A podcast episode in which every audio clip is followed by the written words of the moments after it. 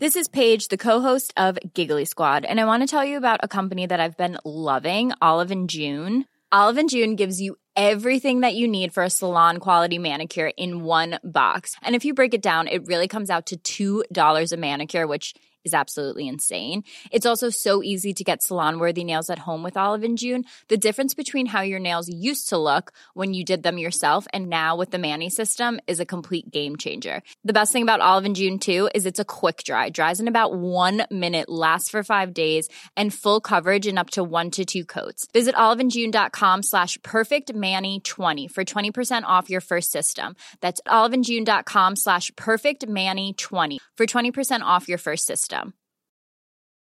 Many of us have those stubborn pounds that seem impossible to lose, no matter how good we eat or how hard we work out. My solution is PlushCare. PlushCare is a leading telehealth provider with doctors who are there for you day and night to partner with you in your weight loss journey. They can prescribe FDA-approved weight loss medications like Wagovi and Zepbound for those who qualify. Plus, they accept most insurance plans. To get started, visit plushcare.com slash weight loss. That's plushcare.com slash weight loss. Välkommen att vänta på katastrofen ännu en vecka med mig Kalle Zackari Wahlström och Patrik Sellman. Hej Patrik! Hej Kalle! Hur mår du? Ja, jag mår som vanligt väldigt bra. som jag förtjänar. Du låter lite raspig på rösten. Ja, kanske. Du har haft kurs i helgen va? Ja, det har jag. Det har jag. Och det ösregnade ju på lördagen så jag fick eh, stå och föreläsa under ett som tur var. Jag fick, alltså jag, det höll på, eh, när helgen närmade sig så såg man ju det att det skulle regna hela lördagen. Och vi har ju det här med restriktioner och sådana där saker och jag har inte möjlighet att ha 13 människor inne så jag är tvungen att vara ute. Ja. Och jag satt och tittade på Julas partytält. Ja, De är ju vattentäta, okej. men inte i summarna. Och inte så stabila om det blåser och sådär heller. Och inte jätteroliga för den delen. Då var min son här och han sa det. Men ring till Tentipi. De Ja. håller ju till här i Sunne där vi bor. Och hör om du kan hyra ett tält. Ja, smart. Ja, så jag gjorde det. Jag känner ju en del av de som jobbar där också. Men då, nej men kom och låna ett du, så får du testa och se om du tycker det är någonting. Funkade det bra då? Ja men herregud vad bra det var. ja men ärligt talat, jag fick ett, eh, ska vi se vad det heter. Det heter Zircon Flex.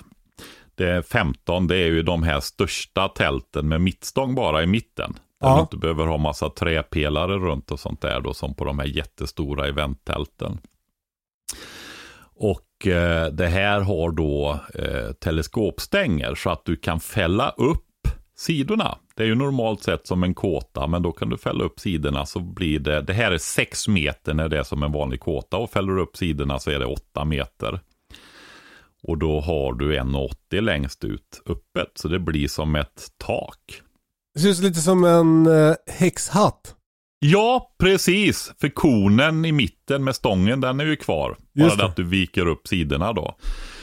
Och eh, då ökar ju diametern så det är bara dragkedjor och så får du med extra tyg och så. Men det är ju, jag tänkte det själv när jag tittar på det här, om man tänker för eget bruk då.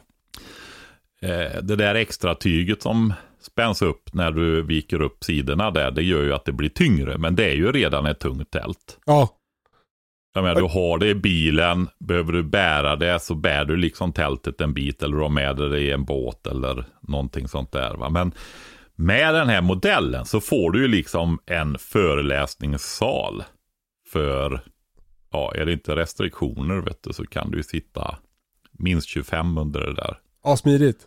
Det är inte Ja. ett vandringstält direkt det där. Nej, det kan man inte säga. Det kan man inte säga. Men man kan Jag ha det i vet- bilen. Absolut. Och ja, men jag tänkte över det där då. Dels så får man ju en föreläsningssal. Man får en restaurang, ett café. Man får en... Eh, Man måste fixa maten själv va? ja, jo, men om du vill ha lite verksamhet, ta hem folk, festlokal, vad du vill så. Ute. Och sen kan du ju liksom ha den som ett vanligt bostadstält också, modell större för ganska många människor då. Ja. Och eh, då har du ju också en evakueringsplats. Du får ju beställa, bestämma själva platsen då förstås, men du har ju en bostad då med dig. För det går ju att ha kaminer och grejer i den där också. Ja, för det har jag. Jag har en, en lite mindre variant av Tentipi eh, som vi brukar ha när vi jagar älg. Det är Ja, med kamin. Det är otroligt mysigt. Ja och visst blir det varmt i tältet också. det är inte jätteväl isolerat. Så det blir först väldigt, väldigt, väldigt, väldigt, väldigt varmt och sen väldigt, väldigt, väldigt, väldigt kallt. Men eh, det finns ju något med det där att komma in i värme. Det, det, det gör att det känns som inomhus istället för utomhus. Och det gör ju stor skillnad när man är i skogen. Ni har ingen eldpost hör jag. Nej, vi har inte det. Nej. Man får ha det. ja, det är ju så. Och bor man i tält så måste man ha någon som sitter och eldar om man vill ha kontinuerlig värme. Det, Ja. det vet alla som har gjort lumpen. har suttit i eldpost på nätterna. Ja, jag har inte gjort lumpen. Nej. Skandal. Du, Ja. eh, eh, Patrik, eh, när vi ändå pratar om grejer man kan ha i bilen. Eh, vi, för ett par avsnitt sen så hade vi ju ett, en stor special på med grejer som man ska ha i bilen. Mm. Eh, men det vi inte riktigt kom in på var någonting som i preppervärlden kallas för GHB. Och inte eh, knarket som man dricker ur en kapsyl som är lätt att överdosera utan Get Home Bag, en Mm. hemgångsväska. Ja, precis. Berätta. Ja, det är ju så här, just hemgångsväska, det är ju en... ehm, jag har haft väldigt svårt att hitta på ett namn på den där. Ja. Eh, det här när man måste lämna bostaden och gå iväg och så vidare, det är ju evakueringsväska eller... Bug Out har- Bag. Ja, på engelska då. Ja. Men jag gillar ju att ha svenska namn. Men det har aldrig kommit på. Men så såg jag en man som har en kanal och han kallar det för hemgångsväska. Och det är det bästa namnet jag har hört på svenska då. Hemgångsväska. Är det bara en Alltså, ju YouTube-kanal eller? Vad sa du? En YouTube-kanal. Ja, den heter Var redo. Och Ja. jag tycker att det är en av de bästa kanalerna på svenska faktiskt. Ja, kul. Han är väldigt kunnig. Han är medelålders man som har en hel del erfarenhet som man delar med sig av då på ett, ja, på ett bra sätt. Väldigt bra sätt då. Shoutout till YouTube-kanalen Var redo. Var redo, precis. Den förtjänar många fler lyssnare. Tittare. Tittare. Vi, vi som var lyssnare, ja precis. Eh, men en sån här hemgångsväska då, vad, vad, hur ska man tänka? Ja, alltså det beror ju på vilken kontexten är där. Hur, var bor du? Var reser du? Alltså du kan ju tänka dig massa olika grejer. Du bor i en stad och du åker kollektivtrafik till en arbetsplats i samma stad. Ja, Eller du bor strax utanför och så vidare. Va? Om det nu blir stopp i trafiken där. Vad är det du skulle behöva för att ta dig hem? ja Det kan ju faktiskt inbegripa att du har en cykel på arbetsplatsen också i värsta fall. Va? just Om det det. är lite längre sträckor. Ja, Sen har du ju andra scenariot.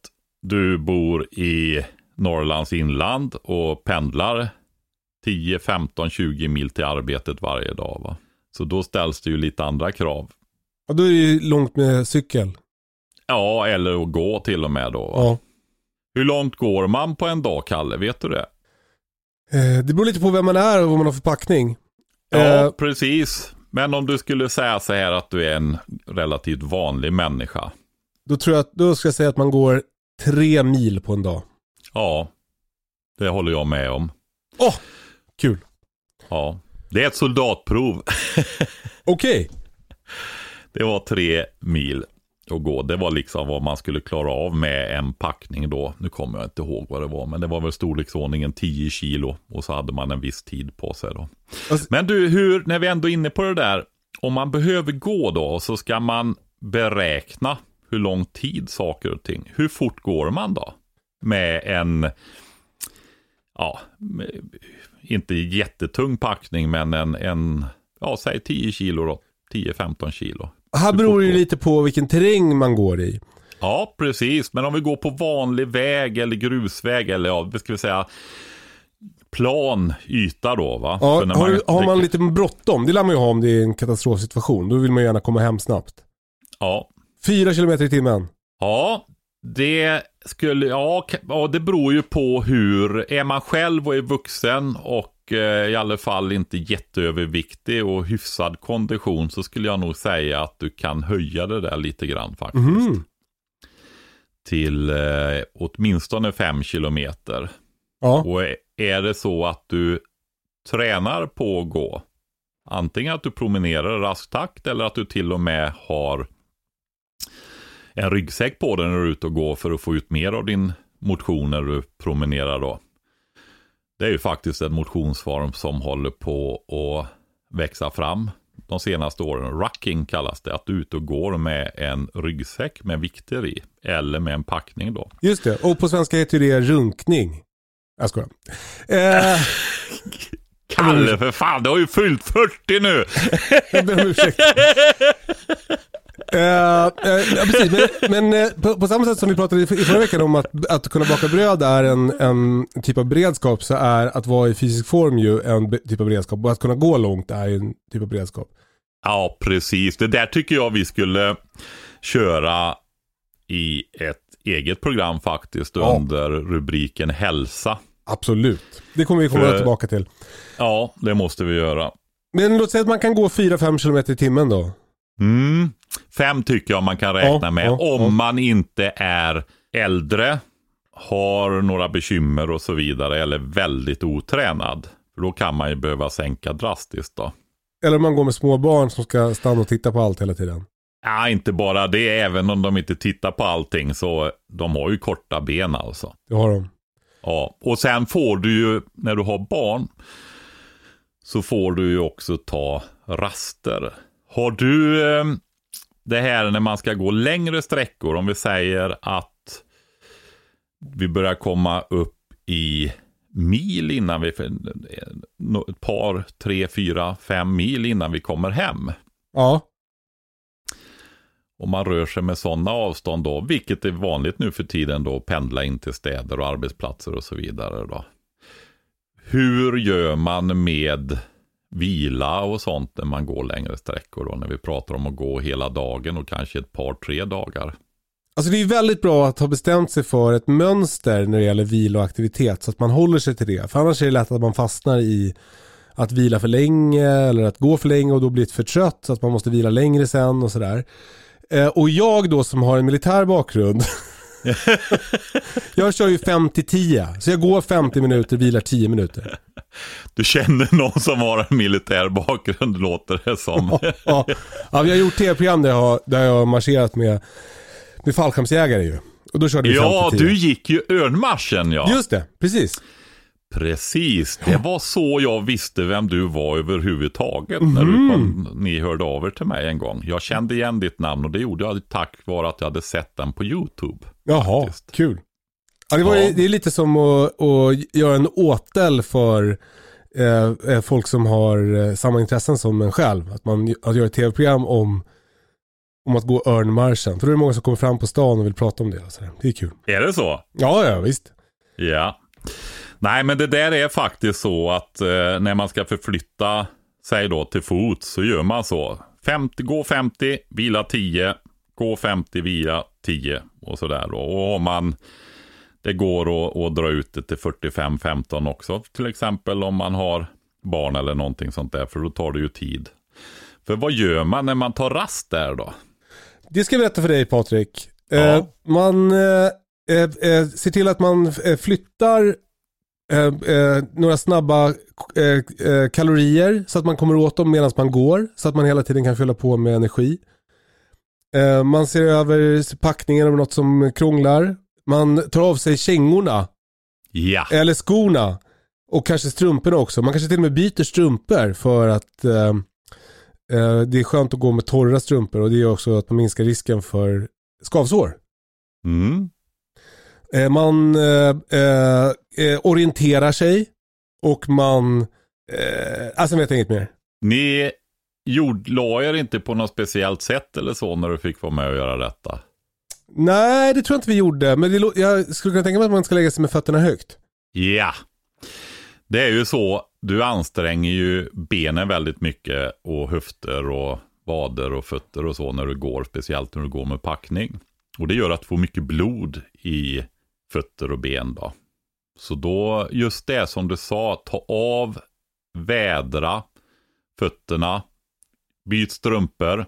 Och då knökar man inte ner strumporna längst ner i ryggsäcken med press på. Utan man kan faktiskt tänka sig att man hänger dem på ett säkert sätt på utsidan för att de ska torka. Smart. Ja, för precis det du sa där, det är ju den andra grejen. Fotvård. Du ska ju använda dina fötter och det är en krissituation och du ska verkligen komma hem. Du måste vara jätterädd om fötterna. Va? För att, ja nu vet jag ju, för vi har ju hunnit prata om sådana här saker under de åren vi har känt varandra nu, för nu har det faktiskt börjat bli år. Ja, kul. Eh, ja, det är ju det. Men eh, du tillhör ju de här ovanliga människorna som inte får skavsår nästan vad du än gör. Nej, precis. Alltså jag kan få skavsår av, eh, ja men typ när jag köper nya träskor till exempel, då får jag skavsår av dem. Sådär uppe på foten. Men, men att gå i kängor så, då, då, då går jag liksom inte sönder i fötterna. Och, och det, när vi gjorde tv-programmet om örnmarschen så, så hade tv-teamet lite problem därför att jag, man går ju då, jag gick i en, ja vad heter det, grupp, Ja, trupp, ja. grupp. Det kan, grupp eller tropp då. En, åtta personer skulle- eller? Ja, det är en grupp det. Ja, så vi gick i en grupp och eh, jag hade, eftersom jag inte hade några problem med skavsår så vissa andra i min grupp hade ju problem med, med fötterna. Och hade skavsår och gick därför som stapplade fram lite. För man, man går ju speciellt när man har ont i fötterna. Mm. Men jag gjorde inte det, så jag såg liksom piggast ut i, i gruppen även om jag var helt bäng i huvudet. Eh, och, och det där är ju en superhjältekraft i många situationer. Ja, det är det faktiskt. Och har man gått mycket då eh, och vandrat med tung packning och så vidare och det är blött och det är nätter och det är kyla och det är allt möjligt. Och så de där fötterna alltså, om inte de hänger med va. Alltså, jag har ju varit i situationer där man liksom bara tänker, jag måste ta av mig kängorna, jag får gå barfota, men det går ju inte, de håller ju inte för det va. Det är ju inte, de är ju inte förberedda för det, så du måste ha de här kängorna på dig liksom. Ja. Och det svider och skaver hela tiden. Va? Ja, fy fan. Alltså, ja, det är det. Och det, jag har ju sett fötter, de börjar ju blöda alltså. Eh, ordentligt till slut en del. Jag gjorde så här multisportlopp, då var min kompis Jens, han fick sådana blåsor. Så, så hade vi paddlat jättelänge och hans fötter hade, de här blåsorna hade svullnat upp något fruktansvärt. Så skulle han göra hål på en sån här blåsa, det bara sprutade var i som en två meter lång stråle från hans fötter. Jävla äckligt. Mm. Ja. Nej men så är det ju och eh, det kan man ju bli tvungen att göra också. Att punktera blåsor och sånt där som kommer då. Va? Men när vi är inne på detta då. Det här utvikningen här det är ju för att visa vad viktigt det är att ta hand om fötterna då. Va? Mm. Eh, egentligen även till vardags så att de är i ordning och man behöver dem på allvar. Va? Men eh, också när man är ute och går. Just det här att inte låta foder. Alltså det här med blöta strumpor. Det är ju inte bara eh, om man trampar i en vattenpöl eller det regnar mycket. Utan vi har ju varierande grad även fotsvett då. Va? Och få fötterna jobba hårt om man ska förflytta sig med packning. Så eh, får nog de flesta mer eller mindre fotsvett där. Va? Ja. Och då är det bra att ventilera och lufta dem där och byta och ha ett utbyte. Hur, hur gör man med strumpor då? Fick du lära dig det också? Eh, att man torkar dem? Nej, men hur tänker du med strumpor när du ska gå långt? I kängor? Eller? Nej, man, man har ju gärna dubbla strumpor. Ett par tunna och ett par tjocka. Ja, precis. Precis. Jag är fullärd! Ja, och du kommer ju ihåg med. Mm. Ja, men det, jag jagar ju mycket och jag går ju mycket i kängor och så här. Så jag, jag har ju för vana att försöka ha dubbla, ett, eh, som en liner och ett par tjockare sockor. Och Ja. eh, det har ju även om jag vandrar på sommaren, det, man blir ju varm och, och svettig och sådär. Men, men eh, har man, kör man ett, ett tunt par och ett tjockt par sockor då, då undviker man skavsår. Ja, det minskar risken väldigt, väldigt mycket. Och det beror ju på att då skaver ju strumporna emot varandra istället. Ja, Va? friktionen blir mellan strumporna. Precis, precis. Så eh, en... Vad kör du med för kvalitet på dina? Alltså vad är de gjorda av och så, dina strumpor? Jag kör ull. Ja. Med, jag kör inte 100% ull utan det är ju några procent. Ja, Elastan. Ja, El- typ. Så att eh, det ska bli lite starkare och så vidare då va. Det Men går ju även att köra typ, eh, alltså dam, eh, eh, vad heter det, nylonstrumpor som liner. Okej, Mm. det har jag aldrig hört talas om. Det Nej. låter som skulle bli... Är- Har du provat det? Nej, Nej. jag vet att man kan Men- köra den i slalompjäxor om man är liksom lite seriös med sin åkning och också som liner i kängor. Okej, har Mm. aldrig hört talas om. Nej. Ja, det kanske är, är, det är så em, en otrolig ma- eh, maskulin värld ju, militären, att man kanske är rädd för. Ja, men även i friluftsliv och så. Jag har ju inte bara varit i det militära. Så eh, jag har aldrig hört talas om det. Och det Nej. jag kan ju säga att det, för mig känns det ju som att nylon skulle kunna skapa friktion och värme alltså. Men jag har haft fel många gånger. men eh, var har du hört det? Kommer du ihåg det? Jag minns faktiskt inte det. Jag, jag, jag kommer inte ihåg vad jag har hört det. Nej, Det- okej. Nej, det kanske är, jag Du- kanske har drömt det. Ja. Det är väl inte så vanligt heller att man har nylonstrumpor kanske. Uh, nej, det där är olika. Ja, det är ju det. Det används fortfarande i vissa kretsar kanske. Så är det. Ja, men vad bra. Nej, men det är faktiskt viktiga grejer och kunst. Det är en kunskap det här att kunna förflytta sig till fots längre sträckor också. Va? Och det är ju någonting som man behöver öva på. Ja, Nu har vi det ju så i vårt land att det är ganska många som tycker om att promenera eller ägna sig åt friluftsliv och så ut och vandra då. Och jag förstod under pandemin här nu att det här med vandring det har ökat enormt i och med att resandet har uteblivit då. Va? Det är till och med så på att vissa kända platser så har det blivit stora problem. det är för många Men- som vill vandra. Ja, på samma ställe. Okej. ja, Det som är bra med när man vandrar är att man flyttar sig ju. ja, precis. Så om man är på ett Men- ställe först så går man till ett annat ställe sen. Ja, det är ju en fördel. Nej, men det är det där, du vet, man startar på ett ställe och det kanske bor folk där också, så är det liksom hur mycket bilar som helst och det blir trafikproblem, men sen också, ja, du- naturen är ju stryktålig, men den tål ju inte hur mycket som helst då. Du Patrik, eh, man, man, har man är strandad med sin bil eller med, när man pendlar till jobbet. Mm, Eh, man ska ta sig hem. Vi har pratat om att det är viktigt hur man ska göra när man går, att man ska eh, ta raster, ja, alltså 5 till 10. Men eh, jag skulle prata lite om vad man ska ha med sig för prylar. ja. När det väl händer och man behöver gå långt så vill man ju egentligen ha med sig den där jättestora ryggsäcken som är så otroligt skön att bära mycket med och man kan ha sin riktiga utrustning alltihopa det där. Men den tar ju väldigt stor plats i en bil va? Ja, eller på tunnelbanan. Ja, eller på tunnelbanan precis, precis så är det ju va. Så att ofta hamnar man ju i det där att det blir en relativt liten ryggsäck eller väska då. Ja. Och ska man gå långt så är det ju att föredra en ryggsäck. Definitivt då. Hur stor ryggsäck rekommenderar du? Ja, det, jag tror att en sån här som är en 15-20, kanske upp till 30 liter. Beroende på vad man har för förutsättningar. 40 liters, min son har valt att ha en 40 liters i sin bil till exempel. Jag och min hustru, vi har en som är 15-20 liter ungefär då. Mhm. Vi har ju Ibland har vi varsin bil, men nu har vi bara en bil. Vi har sålt de gamla bilarna då, så vi ska skaffa en till här i sommar hade vi tänkt. Men nu har vi dem i våra bilar då, eller våran enda bil som är kvar. Har ni varsin då?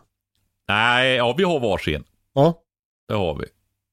Och sen eh, har vi även en jacka. En eh, smock har vi valt att ha. Det är många fickor på dem då. Ja. Och med grejer i fickorna? Ja.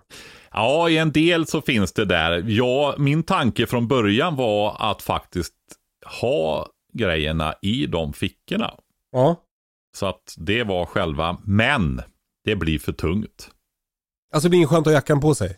Nej, det blir för tungt. Du blir orörlig. Du, det var en skrivbordsprodukt det där. Det är svårt att få plats med ett elverk i en ficka också. Ja, även i ryggsäcken. men du, eh, eh, berätta om de här grejerna ni har då. Vad, vad, mm. vad har ni i er 20 ja, men Man kan väl titta på vad, vad, behöver du kunna göra för någonting? Om, beroende på då. Nu tänker jag att vi kan inte ta alla scenarion utan det får man tänka igenom. Vad behöver jag? Och sen kanske det är så här att du inte bara tar dig mellan jobbet och eh, hemmet då, utan, och det kanske är olika för olika familjemedlemmar och sånt. En kanske åker en och en halv mil med kollektivtrafiken in till kontoret och någon kanske åker iväg miltals åt ett annat håll med bilen och så. Så att det kan ju vara olika behov i en familj också då. Ja. Men vad, det, det, handlar ju om de här, egentligen är det ju tre-regeln som gäller va? Ja. Eh, som bas. Alltså eh, att du vi kan ju hoppa över det där med, ja alltså jag vill egentligen inte hoppa över det, för speciellt inte i städer och sånt. Det här med andningen. Mm. Att du kvävs på tre minuter. Eller förblöder helt enkelt då va. Det här riktigt akuta. Men vi åker ju inte omkring med skyddsmasker hela inte? tiden. Nej, det gör vi inte. Aha. Men däremot så kan man ju tänka sig att man själv kan göra en beredskapshöjning om det blir väldigt mycket oroligare tider. Att man faktiskt förstärker med en sån då. Ja. Skulle jag kunna tänka. Att då får du ta med den som du har hemma. En till varje familjemedlem där. Det tar ganska mycket plats i bilen. Ja, nej så stora är de faktiskt inte. Nej. Det är de inte. Och man kanske ska ha en släpkärra annars. När du säger det ja. så är det ju faktiskt så här att den stora barnfamiljen. Ja. Eh, du har ju de här väskorna som med hjul på som du kan dra efter dig. Mm. Till exempel som ett alternativ. När du behöver ha med dig mycket saker. Ja. Alltså då tänker jag på att kunna hålla värmen och sådana saker om man behöver övernatta då. Så att det är en utvikning också att ta hänsyn till då. Men det finns ju när du pratar om vagnar och sånt då. Just det. Mm. Sovutrustning tar ju rätt mycket plats om man vill ha det till några stycken då. Ja. Till exempel. Inte jättetungt men det blir mycket volym då. Ja, eh, det är den biten. Det är tre minuter där då. Där har du ju också det här att ett tryckförband eller en eh, och en tourniquet är ju alternativ också då. Just om det. det är den typen. Men det är ju inte så troligt att du får den störtblödningen faktiskt. Men i alla fall tycker jag man ska ha ett rejält tryckförband med sig. Alltid. Skavsårsplåster? Det är självklart så. Och det kommer ju, men det tar vi på um, på ehm, ja, första hjälpen-grej ingår ju den i det då. Men du har ju sen tre minuter, sen har du ju tre timmar och det är ju skydd och värme. Mm. Och eh, är det så att du har längre, vi sa det att du kan gå tre mil om dagen, det är bra lagom att kunna kalkylera med. Och då innebär ju det, om vi säger fem kilometer i timmen i snitt under tre mil. Mm. Då är vi uppe i sex timmar. Ja. Men då har du också en lite längre rast där. Och tio minuter rast varje timme? Ja, ja det har du. 5 till 10 det kör vi. Och är det så att du inte är så van, du kanske är det på vintern, så är det väldigt bra om du kan värma dryck, värma mat och så vidare så du får i dig någonting varmt. Då tillför du ju energi, värme till kroppen också då va. Just det. Ofta så klarar man ju av att hålla sig varm i och med att man rör sig hela tiden då. Men just varm dryck kan vara, vara väldigt bra att få i sig när det är kallt. Då. Och även speciellt när det är mindre människor med också barn. Så då kan du ju köra 45-15 istället då. Tror in i varma vatten? Ja, om det nu är ännu längre tid då som man ska vara ute och gå där när det gäller skydd och värme. Så är det ju så att du kanske blir tvungen att övernatta ute. Mm. Och eh, det där har jag funderat en del på. Det finns ju mycket hus och uthus och allting. Så att det borde kunna gå och faktiskt få komma in någonstans då. Speciellt om man är en barnfamilj. Det borde Det där- inte vara något problem. Det där gör ju väldigt stor skillnad. Jag återkommer till det här multisportloppet jag gjorde. Det var ju 60 mil på sex dygn som vi tog oss då.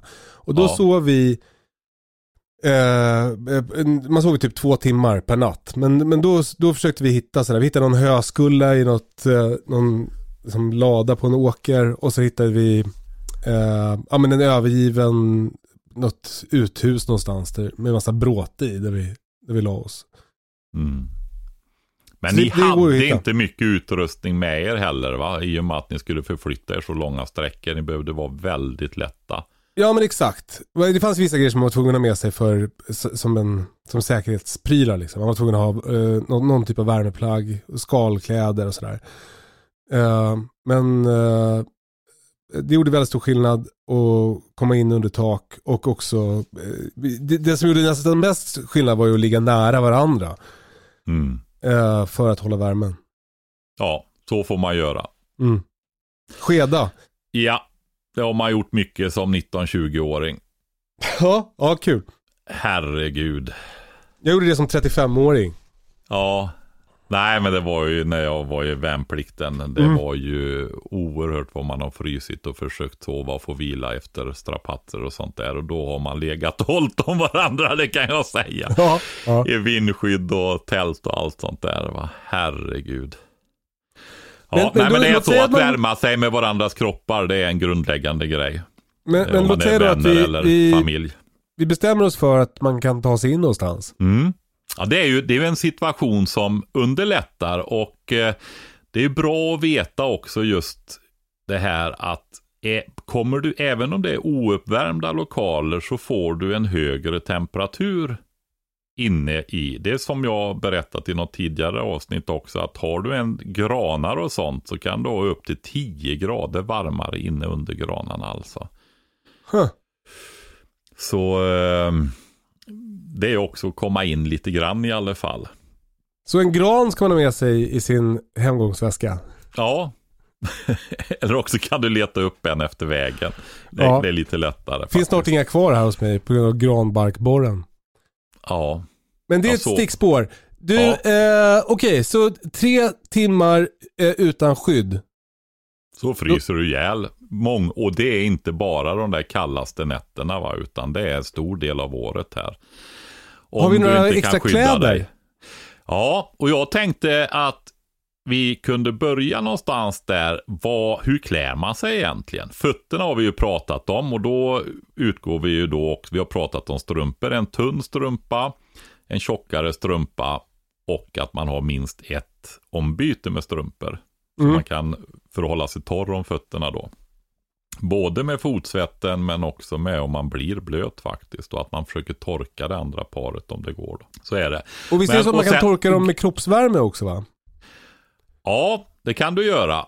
Och eh, är det minusgrader ute så kan du torka dem genom att frysa dem. Mhm. Det är faktiskt en metod också. Att, ja, det blir som en frystorkning, men du kan också, nu har jag inte provat det med strumpor ska jag säga, men med tröjor och jackor och så vidare.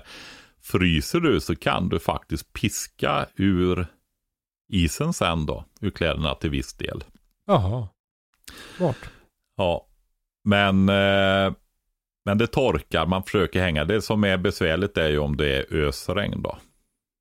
Just det. Man, man kan om man, när man ligger och sover, så kan man om det, men då ökar ju fuktigheten och så vidare och det har man besvär med att hålla värmen så kanske det inte är jättelyckat. Men skulle man ha med sig en sovsäck och välja att satsa på det, ta stor plats och så, men eh, är ju värt en hel del så går det ju faktiskt att torka där i också. När man ligger och vilar då. En sån sovsäck som vi hade under multisportloppet var ju eh, eh en jättetunn. Alltså för man var tvungen att ha med sig en sovsäck och det var man ju glad för när det var kallt på natten. Men, men de- den var ju väldigt tunn och den tar ju inte heller så mycket plats. Den blir ju stor som en apelsin typ. Mm. Men det var mer som en påse bara det va? Ja, med lite lite foder. Ja. Men, det, gör ju ändå skillnad. Ja, det gör jättestor skillnad. Mm. Absolut. Men hur klär man sig var vi inne på. Ja, flerskiktsprincipen. Just det. Lager på lager. Ja, vad har du fått lära dig där, Kalle då? Ja, det vet jag nästan inte. Men, men jag, jag tror, alltså eh, jag vet att man får lära sig det på i, idrott och hälsa i högstadiet nu för tiden. Ja, men det tror jag man har fått göra Ja, alltid faktiskt. så det, det eh, är ju att rekommendera. Och sen är det ju viktigt att, man, att det som är närmast kroppen inte är ett material som leder bort värme väldigt mycket. Till exempel när det blir blött, till exempel bomull. Mm. Det kyler ju. Bomull är värdelöst alltså. Både som byxor, alltså jeans, typ den typen av plagg är inte bra alltså. Eh, sen som t-shirt närmast kroppen och så när du riskerar att hamna i utsatta situationer. Det är heller inte bra. Därför att blir den blöt så suger den värme ur kroppen helt enkelt. Leder bort värme från kroppen och kyler dig. Så eh, det ska man undvika. Och det, just det här lagret närmast kroppen då, det är ju en, där du, om du arbetar mycket då, så vill du flytta fukt ifrån kroppen och ut genom kläderna då. Så någon form av, det, det finns två skolor där. Ja, Eh, jag är den gamla skolan. Jag vill gärna ha ull närmast kroppen. ja. Ull eh, har ju också den fördelen att eh, även om den skulle bli fuktig så värmer ju den ändå. Lite sämre värmeförmåga men den fortsätter att värma. Ja, men det här skulle jag vilja, här skulle jag vilja eh, prata mer om. För det här har man ju hört genom sitt hela liv. Hur bra ull värmer när det är blött. Men gör det verkligen det? Man blir ju svinkall. Ja, det gör det. Ja, det gör det. Men det, du kan ju inte bara ha det. Nej. Ja. Jag vet inte, men jag är inte, inte imponerad.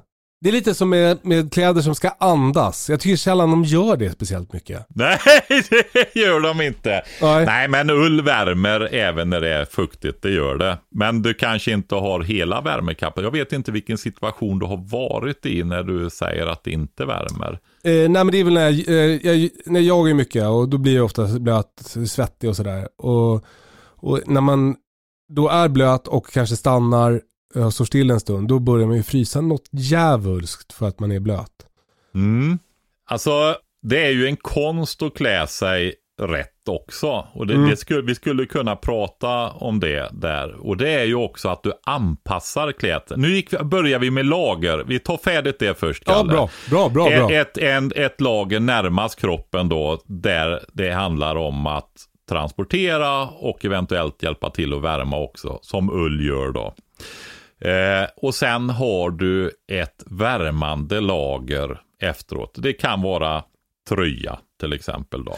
Förlåt Patrik, vi pratade om två skolor förut. Du sa att ull och så fastnade vi i det. Ja, men det var ju det där som du sa, syntet då, som ska transportera fukten och så Just vidare. det. Olika Och, men, syntet. det, va? den stora moderna. skillnaden där som man märker väldigt, väldigt tydligt det är ju att syntet börjar lukta helvete efter 25 sekunder medan ull inte luktar äckligt av svett. Så det är den Nej. stora fördelen med ull skulle jag säga. Det var bra du sa det.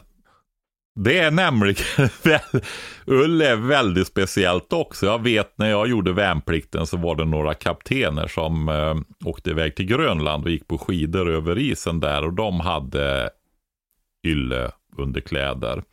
Och ser man till att återfetta dem där när man har tvättat dem med lanolin, alltså ullfett då, va? lanolin. Så har du ull där och när du svettas, det är lite salter och sånt i eh, svetten också, då bildas det alltså tvålämnen. Va? Så du går där och tvättar, tvättar dig när du svettas alltså. Det är sjukaste jag har hört. Ja, nej men de håller sig rena de här kläderna faktiskt. Och precis som du säger så stinker du inte så mycket när du har det då. Va? Så det, det är många fördelar med det. Men det här innelagret, sen har du ett tjockt värmande lager och sen har du ett skalskydd då, en skaljacka. Och eh, kan innefatta regnkläder och sånt också då. Va? Så att du har ett skydd mot de yttre elementen kan man säga. Va? Vind och regn och sådana saker. Då. Just det. Det, är Det här är, ju, här är ju tricket då att, att eh, det är svårt att gå i skalplagget. Utan det är ju mer för om det börjar regna väldigt mycket eller om du st- stannar. Ja, alltså jackan kan du ha på dig för den skyddar dig ju också mot grenar och alla sådana här grejer. va. Eh, Så att eh, då får du ha en jacka som faktiskt är skön att ha på sig. Eh, Det du, vi, där har vi tagit de här tre lagren då va. På eh, benen har du oftast bara två lager och på fötterna har du tre lager innerstrumpa, ytterstrumpa och skon. Mm. Vi kan prata om skor också sen då, för det är en viktig bit med. Men det här med klädseln då, du säger du är ute och jagar och du blir så svettig och så vidare va. Vi hade en speciell övning som vi ofta fick göra eh, när vi var ute med förbanden. Där man verkligen förstod det här. Va? Men där kan du då tänka dig att eh, det är 46 man som ska gå iväg med utrustning, skidor, pulker, alltihopa det här va? i snön. Och så är det kallt och alla fryser och man har på sig tjocka kläder medan man väntar och man ska komma iväg.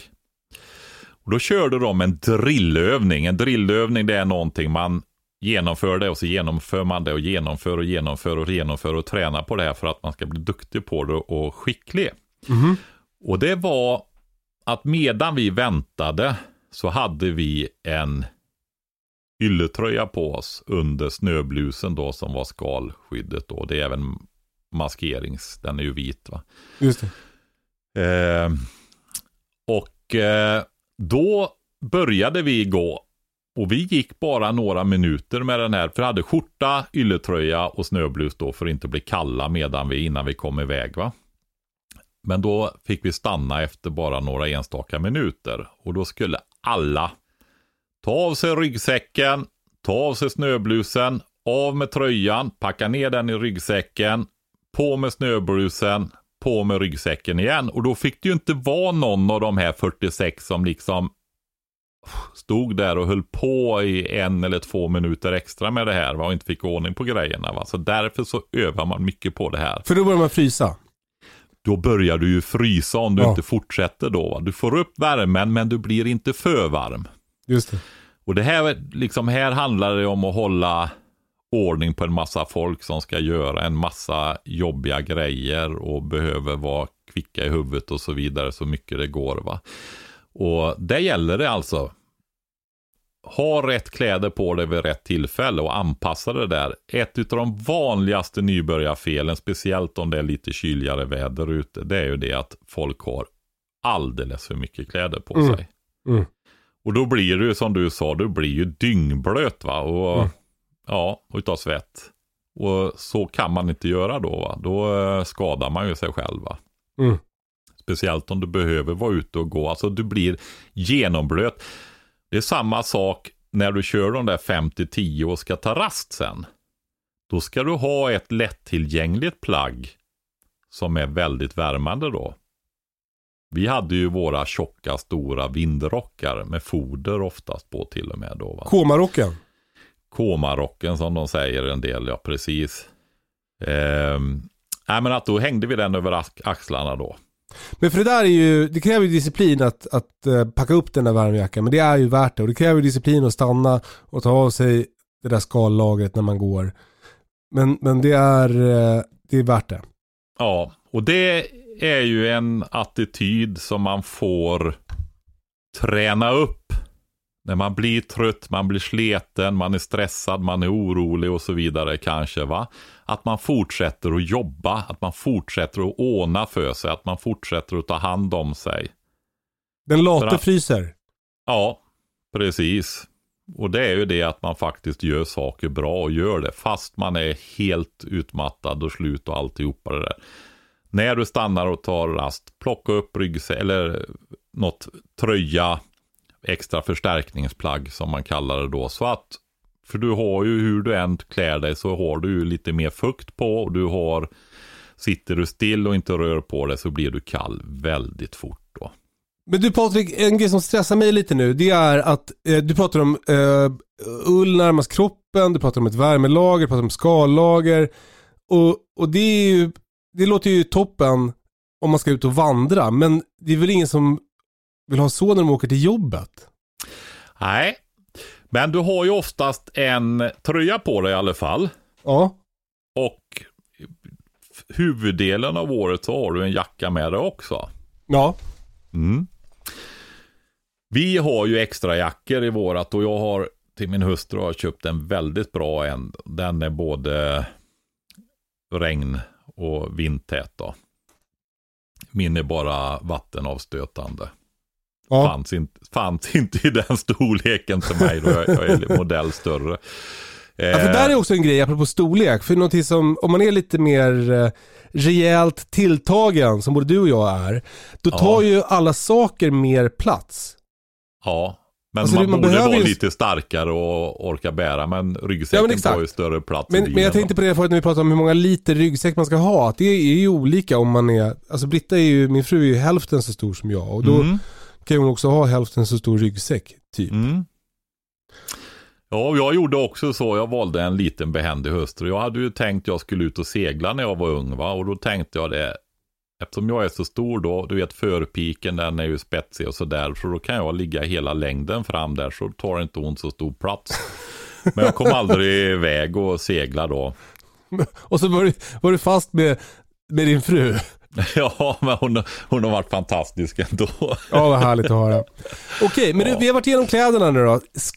Vågar vi närma oss själva väskan, som ju trots allt är rubriken för det här avsnittet? Nej, vi är inte färdiga riktigt än Nej, med kläderna. nej, nej. Eh, I våra väskor så har vi, och det har mina barn och barnbarn också, ett yllunderställ faktiskt. Ja, ja, ja. Smart.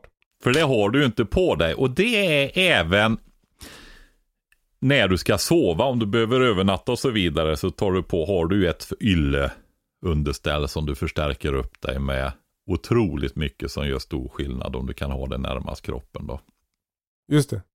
Om du har det enklare. Ni hade ju eran lilla sovsäcks tunna.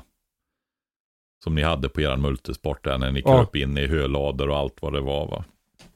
Eh, ett yllunderställ är ju i samma klass i alla fall skulle jag säga. Mm. Så det är en lämplig grej att ha med sig. Och då Ett kanske man kan köpa, liksom köpa ett lite billigare eller? Alltså, det där är ju en avvägningsfråga för pengar är ju en begränsad resurs. Så är det ju och det är ju olika för oss allihopa. Och just sådana här grejer, du kanske aldrig använder den. Ja men det är det jag menar. För jag, jag eh, har liksom gått hela vägen på något sätt. Från att ha varit väldigt noga med vilket märke och läst på och det bild, det- lättaste och det, alltså, det är testvinnaren och sådär. Men, men jag har kommit till en punkt, ja det är väl att jag fyllt 40. Nej men det, det är så här, det, som, det spelar inte så jävla stor roll. Det kommer liksom antagligen att vara andra saker som spelar roll för dig i den situationen du befinner dig i. Ja, det gör det också. Men samtidigt, det är alltså en jätteavvägningsgrej det där. Om vi säger så här. Min son, jag sa ju att han har en eh, Savotta medium. Savotta det är ett ryskt, eh, nej finskt. Finskt menar jag. Oj, det där är känsligt Patrik. Ja, det var det. Ja, ja, ja, det är en finsk stolthet det där, så det var väldigt eh, känsligt. Jag ber om ursäkt. En eh, finsk ryggsäck, det är de som gör till finska försvarsmakten också sedan 50-talet eller någonting sånt där. Va? De gör riktigt robusta eh, saker då, men även för friluftsliv då, men då är det ju liksom inte lättviktsgrejer heller, men Hans eh, ryggsäck då är ju en medium utav deras storlek då. Vad kan den vara? 30-35 liter, går att överpacka uppåt 40 liter kanske. Mm. Och möjlighet att fästa grejer på utsidan också om man vill, vilket jag tycker man ska undvika helst. Men eh, Han använder ju den som dagsturssäck också. Så han använder ju verkligen sina grejer. Just det, och då är han också van vid att bära den. Ja, precis. Och sen har han den i bilen med. Och så har han utrustning med sig så han kan ju stanna och koka lite kaffe eller någonting när han är ute med bilen. Mm. Så eh, man kan ju använda grejerna också och det är ju väldigt bra om man gör det som man lär sig va. Mm. Så han är väldigt duktig på det faktiskt måste jag säga då. Det är bra. Shoutout till Patriks son. Ja, precis. Okej, sen- och ylleunderställ. Ja, precis. Då har vi vår Men- väska. Ja, och du, vi pratar kvalitet. Och ena sidan det vi sa, du kanske inte använder så mycket. Minns jag tog ett motexempel att min son gör ju det då. Men då är, har vi ju det där lilla dilemmat där. Att om, när du behöver använda det så är du i en prekär situation kanske. Och det kan ju vara väldigt jobbiga situationer. Man vet ju inte vad som kan hända va.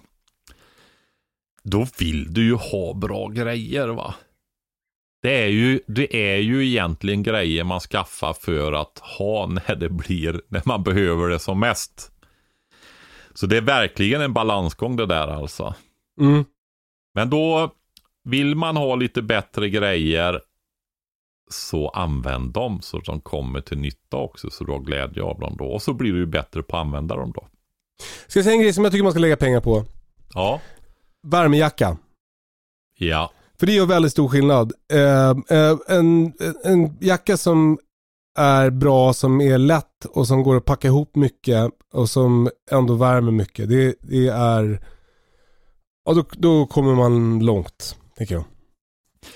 Du säger värmejacka, packa ihop lätt. Pratar du en ren vind vattentät skaljacka då? Eller Nej, lättvikt? då pratar jag om en, en fodrad jacka, alltså som ett förstärkningsplagg. Skaljacka för mig är något annat. Det, Ja, det tycker jag man också ska ha. Men där tycker jag man, kan, man eh, ska satsa på något som också blir väldigt litet så att man har det med sig. För att om Mm. man har ett par stora Gore-Tex-brallor som, som tar mycket plats så kommer man inte ha med sig dem. Så köp något sånt där Packlight eller vad de heter nu för tiden, jag har inte så bra koll på det. Eh, Som går att rulla ihop så att de blir stora som en cigarr typ. Då, då får de plats i, i väskan. Eller typ i Ja. benfickan. en regn, i regnjacka precis. Ja, men i exakt. Princip. Ja. Men jag tycker Men att det där med värmejackan, alltså en fodrad jacka. Eh, det, det finns ju eh, liksom dunvarianter och så finns det eh, eh, sådana syntet, Primaloft som klarar fukt bättre. De, jag har ja, massa olika såklart, men, men eh, eh, min favorit är från Taiga. Hey, I'm Ryan Reynolds. Recently, I asked Mint Mobile's legal team if big wireless companies are allowed to raise prices due to inflation. They said yes. And then when I asked if raising prices technically violates those onerous two year contracts, they said, What the f are you talking about, you insane Hollywood ass? F- So to recap, we're cutting the price of Mint Unlimited from $30 a month to just $15 a month. Give it a try at mintmobile.com slash switch. $45 upfront for three months plus taxes and fees. Promo rate for new customers for limited time. Unlimited more than 40 gigabytes per month. Slows. Full terms at mintmobile.com. Millions of people have lost weight with personalized plans from Noom, like Evan, who can't stand salads and still lost 50 pounds. Salads, generally, for most people, are the easy button, right? For me, that wasn't an option. I never really was a salad guy. That's just not who I am. But Noom worked for me. Get your personalized plan today at Noom.com. Real Noom user compensated to provide their story. In four weeks, the typical Noom user can expect to lose one to two pounds per week. Individual results may vary. Quality sleep is essential. That's why the Sleep Number Smart Bed is designed for your ever evolving sleep needs. Need a bed that's firmer or softer on either side? Helps you sleep at a comfortable temperature? Sleep Number Smart Beds let you individualize your comfort so you sleep better together. JD Power ranks Sleep Number number 1 in customer satisfaction with mattresses purchased in-store. And now, save 50% on the Sleep Number limited edition Smart Bed for a limited time. For JD Power 2023 award information, visit jdpower.com/awards. Only at a Sleep Number store or sleepnumber.com. Eh, så det kan ni kolla upp. Taiga RF 150 tycker jag är toppen. Jag skriver upp här. Ja, kul! Jag måste kolla detta. Eh, Det finns också en lite mindre variant och den är helt magisk med fukt. Det är som att det bara rinner av den. Alltså den är inte tät. Den blir fuktig i, liksom i, men den torkar direkt. Det är som att den inte, fodret har liksom inte, det är hydrofobiskt säger man va? Alltså att det stöter bort vatten. Känner inte till det.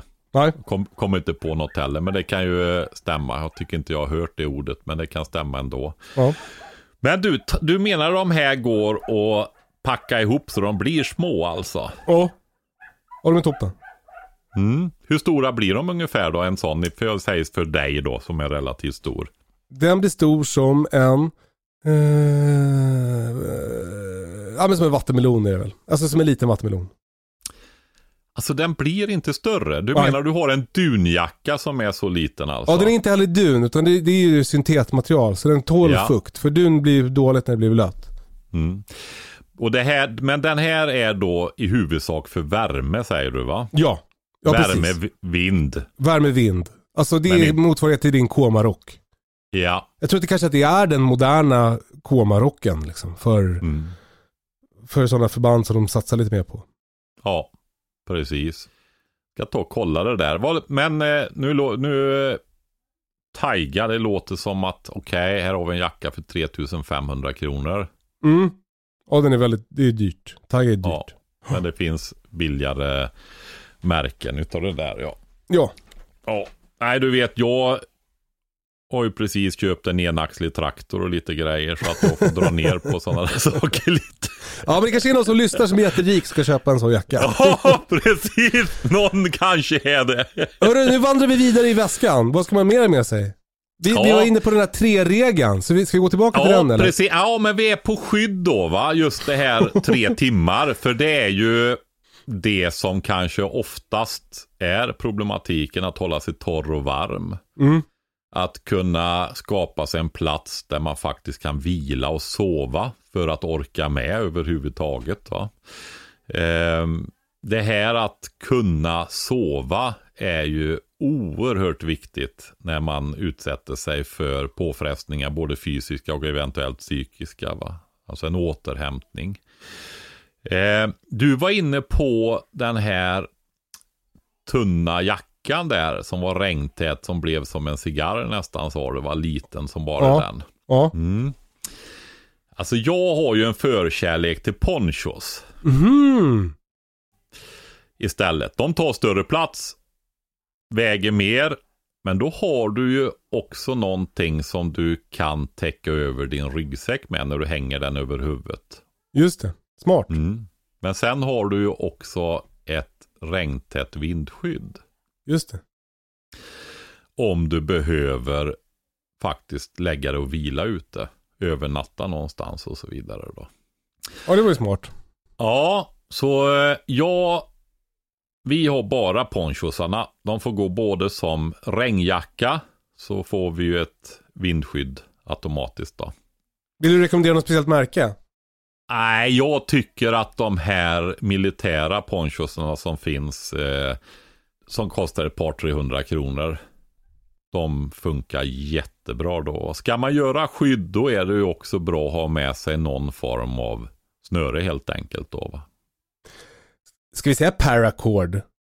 Ja, det är väl det som är det vanligaste som man har. Och det är ju att väldigt hela starkt. namn. preppervärlden är uppspänd med paracord. det är det nog skulle jag tro alltså. Ja. ja. Ja, det är ju paracord är så fallskärmslina, men jag tror inte, kanske inte att det är sån lina man har i fallskärmar. Men, men det kallas för fall, fallskärmslina tror jag. Jag tror att den modernare, eller den bättre, den är nog framtagen för just det syftet. Mhm. från Alltså början väldigt stark eh, Ja, är den ju. det är den. Eh, sen är det ju också så här att grunden, och jag tror jag har nämnt det, ringer en klocka igen här i något tidigare avsnitt, just det här med elden. Just det. Alltså att kunna göra upp en eld och värma sig med i den här delen av världen. Det har ju varit en grundfärdighet helt enkelt. En stor del av året. Men grejen är det att många sommarnätter de är rätt kalla, kyliga och fuktiga också alltså. Mm. Så man behöver kunna göra upp eld helt enkelt om man ska övernatta ute. Och där, där är det, det är därför vi inte kör med tält. För går man den vägen, det är svårt att värma sig med en eld om du har ett tält. Eh, och då behöver du ha riktiga sovsäckar. Om vi pratar året runt då, va? för även vintertid. Och då helt plötsligt, ja men då är vi snart inne på den där större ryggsäcken alltså. Just det. Och, så det är hela tiden avvägningar och kompromisser och sådär hur man ska gå då. Och går man inte tält sovsäcksvägen. Finns hängmattor och sånt också, men då är det ju så att det kyler underifrån väldigt mycket. Det är svårt att, det gör det på backen också, så det är ju en sån grundläggande grej att kunna ky, skydda sig från kyla underifrån då. Granris Men- till exempel. Ja, det, det går, men det får vara riktigt tjockt då, för eh, det packas ju ihop också. Och sen har Mm. du en viss fuktighet i granris också då. För vi pratar ju så gi- givetvis grönt granris då. Men om vi är Men i det- bilen, då kan man väl ha ett liggunderlag? Ja, om du är i bilen, men om du sen ska förflytta dig därifrån då, så tar ju ett liggunderlag väldigt stor plats. Du har ju de här uppblåsbara, som är relativt små då, som man skulle kunna tänka sig ha med sig i sin. Vi har inte den. Vi har, vi har sådana liggunderlag. Eh, för vi sover gärna i hängmattor när vi är ute. Jag och min hustru. Och vi har amok hängmattor. De är Mhm. större och tyngre så de är inte lämpliga för den här typen av väskor då. Men i dem så har du ett liggunderlag då för att hålla formen på dem då. Så vi har det. Men vi har ganska små väskor i våra, så de ryms inte där då. Men eh, om vi går tillbaka till elden då, så är det så här att man ska vara ute en hel natt. Alltså det, när man inte gör saker och tränar och provar på och så vidare, så är det väldigt vanligt att man överskattar sin förmåga och sina saker. Va?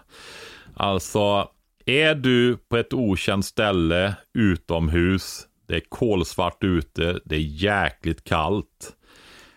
Är du om vi tar det här när man går, hur långt i förväg behöver man stanna och göra i ordning sin lägerplats? Hur lång tid behöver man det om man ska övernatta? Vad tycker du, Kalle? Mm, alltså man ska inte vänta tills man är dödstrött. Man ska inte stanna det första man är dödstrött, man ska stanna så att man har energi kvar att göra sitt läger menar du? Ja, men sen blir det mörkt också. Hur lång tid behöver du? Du vill ju helst att det ska vara ljust. Eh, du behöver, om du gör vid solens nedgång så har du en timme skjutljus kvar. Så då, då stannar vid solens nedgång. Ja, jag skulle nog eh, faktiskt göra i mycket mer god tid så du hinner göra en ordentlig lägerplats. Mhm. Så att du verkligen får så stora möjligheter till sömn som möjligt som det bara går, även om det inte kommer att bli så jättemycket. Va? Eh, det här ska du vara en hel natt. Och när det sen väl är svart, du vill inte gå långt ifrån lägerplatsen. I okänd terräng alltså. För det är lätt att irra bort sig. Ja, ja, ja, ja, ja. Och då är du ju väldigt illa ute sen va. Man kan ha kiselstenar med sig då som man lägger som ett spår, som Hans och Greta.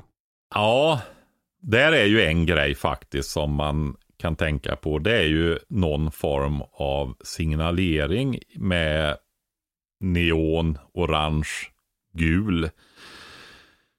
Kan ju vara en sån här väst. Det kan vara ett ryggsäcksöverdrag som man har i orange eller någonting sånt där. Så att man hänger upp den vid lägerplatsen. Ah, smart. Eller en glowstick. Ja, för det är ju engångsgrejer då. Det skulle kunna gå alltså, absolut. Men då är du så i okänd terräng och det är eh, inte självklart att hitta och så vidare. Då är grundregeln att när man går iväg och samlar ved, som är en av grejerna man måste göra då, så går man inte längre bort än att man ser den här va, hela tiden. Alltså det är en jäkligt otäck känsla det där. Ja men vilket håll var det nu då? Så Mm. står du där. Mm. om det kan vara så att det kanske är väldigt otäcka saker som har hänt och du går inte precis efter storvägarna utan du väljer småvägar in i och så vidare. Va? Alltså när, när vi jagar så då har ju vi GPSer, för vi har ju hund, hundarna har GPS-halsband så man följer ju dem på pejlen. Ja. Men, men bara den känslan, alltså det ska batterierna ta slut i det, men bara den känslan när, när GPSen inte stämmer överens med bilden man har i huvudet. Om man till exempel är på väg ut ur en granplantering och så går man och så tänker man nu är jag snart ute ur den här granplanteringen och så kollar man ner på GPSen och så har man gått åt fel håll. Då har jag, trots att jag har ett sätt att navigera, jag har ju min GPS, jag kommer ju ta mig därifrån. Men den där känslan av att naturen inte stämmer med min inre kompass. Det, den är, ja man blir ödmjuk i alla fall. Ja, eh, det ska vara riktigt ärlig och säga så, så för väldigt många människor så är det väldigt otäckt då. Mm. Så det är sådana där saker som är viktiga och man kanske inte tänker på det då. Men är du i en utsatt situation också så är det jätteviktig grej det här. Va? Och alltså, du gör saker i god tid. Se till att märka ut din lägerplats så du kan se den på avstånd.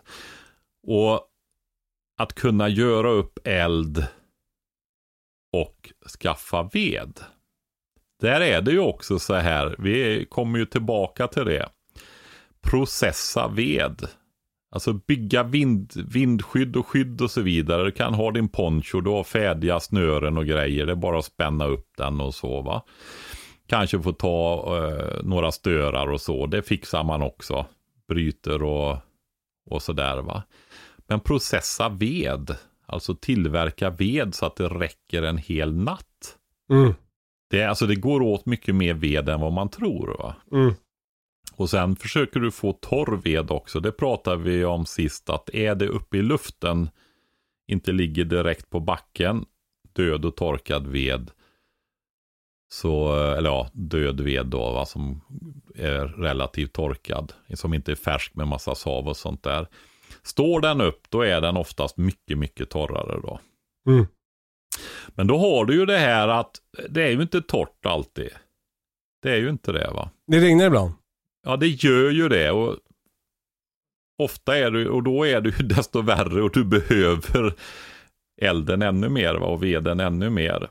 Och då är det så här att stående död ved ute i skogen då. Nu är ju det en, en eh, bristvara i stora delar då eftersom som det inte finns så mycket naturskogar där det är dött, död ved. Det är ju faktiskt en sån här grej som man försöker återkomma till just för insektsliv och biologisk mångfald och så vidare. Men det är ju en verklighet då. Men har du det så kan det ju vara så här att den är blöt på utsidan. Kan du då dela på en sån där så har du torr ved inuti.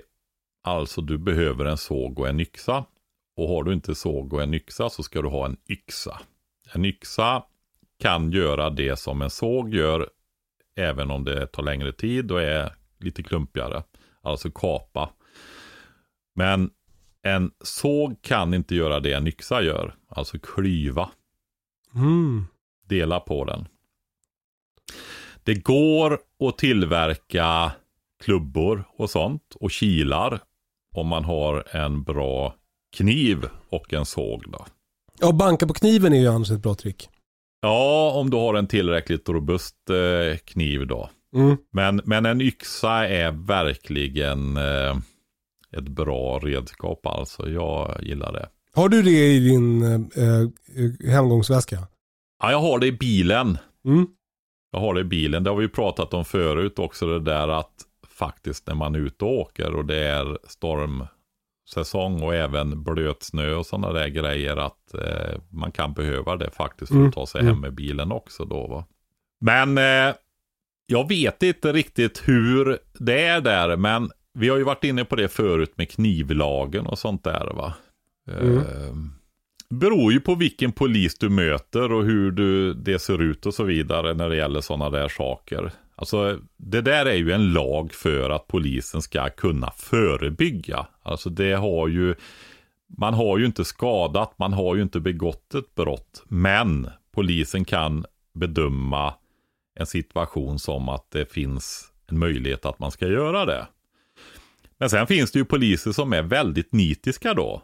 Och eh, ja, det här får man inte ha. Och så råkar Men om man har och- en nerpackad i sin hemgångsväska med vattenreningstabletter och kompass, då måste de ju kunna tänka att det inte är för att skada någon.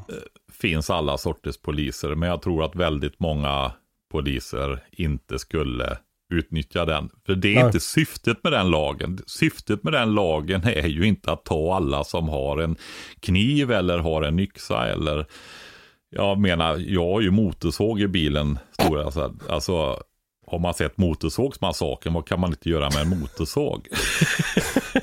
Nej, exakt. Men du, eh, Patrik, vi ska inte fastna i det här eh, Nej, jag vill ändå nämna det så att man är eh, medveten om det när man packar sin bil. Att eh, det, det är ett scenario att man möter fel polis alltså. Så är Just det. Bara lagliga grejer i ryggsäcken. Ska man ha Ja. någon typ av vattenrening eller? Alltså det är ju det där med, du har ju ganska små vattenfilter. Ja, det som vi har i familjen här det är ju Sawyer Mini. Mm. Eh, men jag tänker kokkärl och att man har med sig vatten. Ja, ja. Kokkärl alltså att du kan koka. Det är ju första reningsnivån. Det är ju att koka vatten då. ja.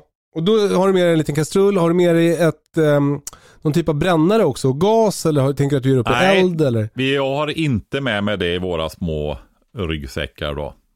Det har jag inte. Utan det är elduppgörning och ehm, sen har vi en Nalgen rostfritt stål med bara ett lager stål då, alltså en vattenkanna. Men så Mm. har vi också en eh, kopp slash liten kastrull som precis passar att trä på botten på den där då. Ja, ja, smart. Har du ja, vatten- den är bra, Har du- den tycker jag. Har du, en, eh, förlåt. har du en flaska som är fylld med vatten i din ryggsäck? Nej, det har jag inte. Nej. Och det är ju för ibland blir den där riggande och eh, tiden går och helt plötsligt så fryser det inne i bilen och sådär. Då vill man inte ha det i en stål. Det är ju sprängkraft när det blir is och sådana grejer. Mm, mm. Men däremot så har jag en 10 liters vattendunk som har expansionsutrymme i bilen då. Smart. Nu är hundarna galna. Mm. Du, eh, eh, okej. Vad har du mer i din ryggsäck? Jag gissar att du har kompass. Ja, det har jag. Men eh, vi var inne på elden där förut. Ska vi inte ta elduppgörning först?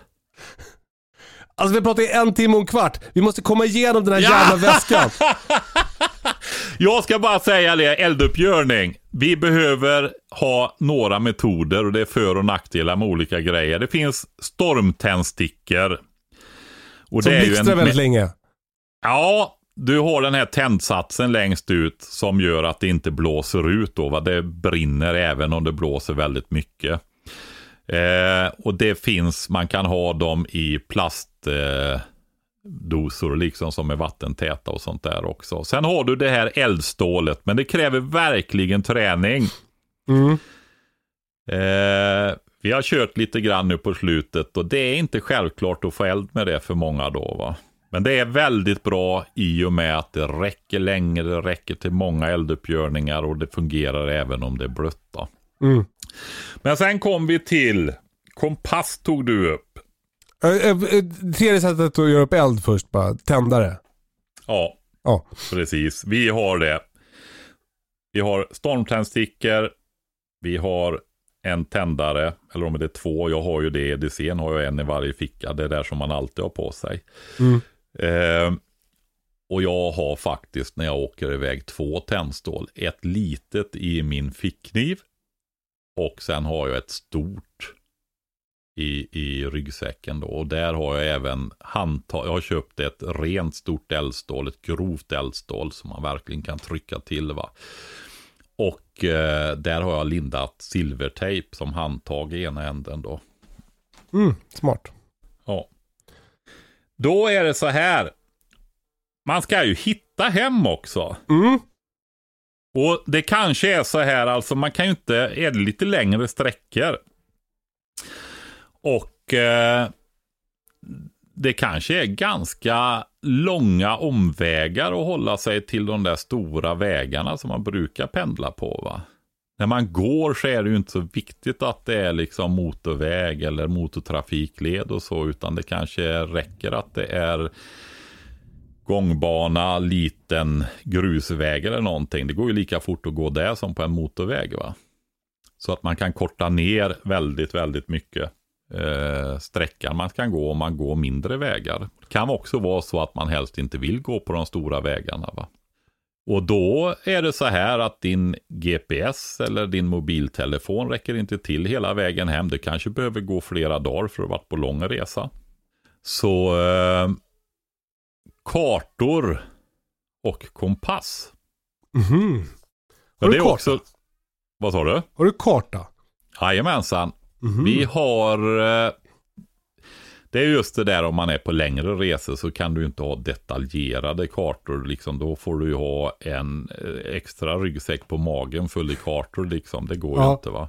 Men däremot så finns det små vägatlasar. Så att man har koll på hyfsat små vägar, ortsnamn och alla de här grejerna då va. Det finns för hela Sverige och hela Norden också. För fickformat i princip då. Det är en grej. Men sen är det en grej jag skulle vilja tipsa om. Alltså de här områdena där man rör sig mest. Mm. Den där pendlarsträckan på några mil eller i städer och sånt då om man pendlar med kollektivtrafik och så. Så är det så här att du har en karttjänst på Lantmäteriet där du kan skriva ut 50 000 dels kartor. 50 000 del, det betyder ju 1 till 50 000 och det betyder Ja. att en centimeter på kartan är 50 000 centimeter i verkligheten, det vill säga 500 meter. Ja. Så du har ett rutnät på 2 gånger 2 centimeter då, så är det en kvadratkilometer. Sådana kartor kan du skriva ut och du kan välja ett område. Och då skriver du ut 3 gånger 4 A4-sidor. Så det täcker en ganska bra bit då. Men då har du det på papper. Och så är du ute och så ösregnar det och så vidare. Så man bör ha plastfickor eller plasta in dem här eller någonting sånt där då. Men sen måste man ju också lära sig att använda dem. Mm. Och kartor är väl något fler som kan använda. Men sen när man lägger dit kompassen så är det inte lika många längre. Jag gissar att vi kommer återkomma till navigering i, i ett framtida avsnitt. Ja, vi kanske ska köra mer fördjupning på det. Men alltså just karta och kompass, att lära sig att använda det, det är verkligen en sån där grundläggande färdighet, kunskap då va. Och en kompass går att använda på, speciellt om man har en syftkompass, som jag rekommenderar att man skaffar då.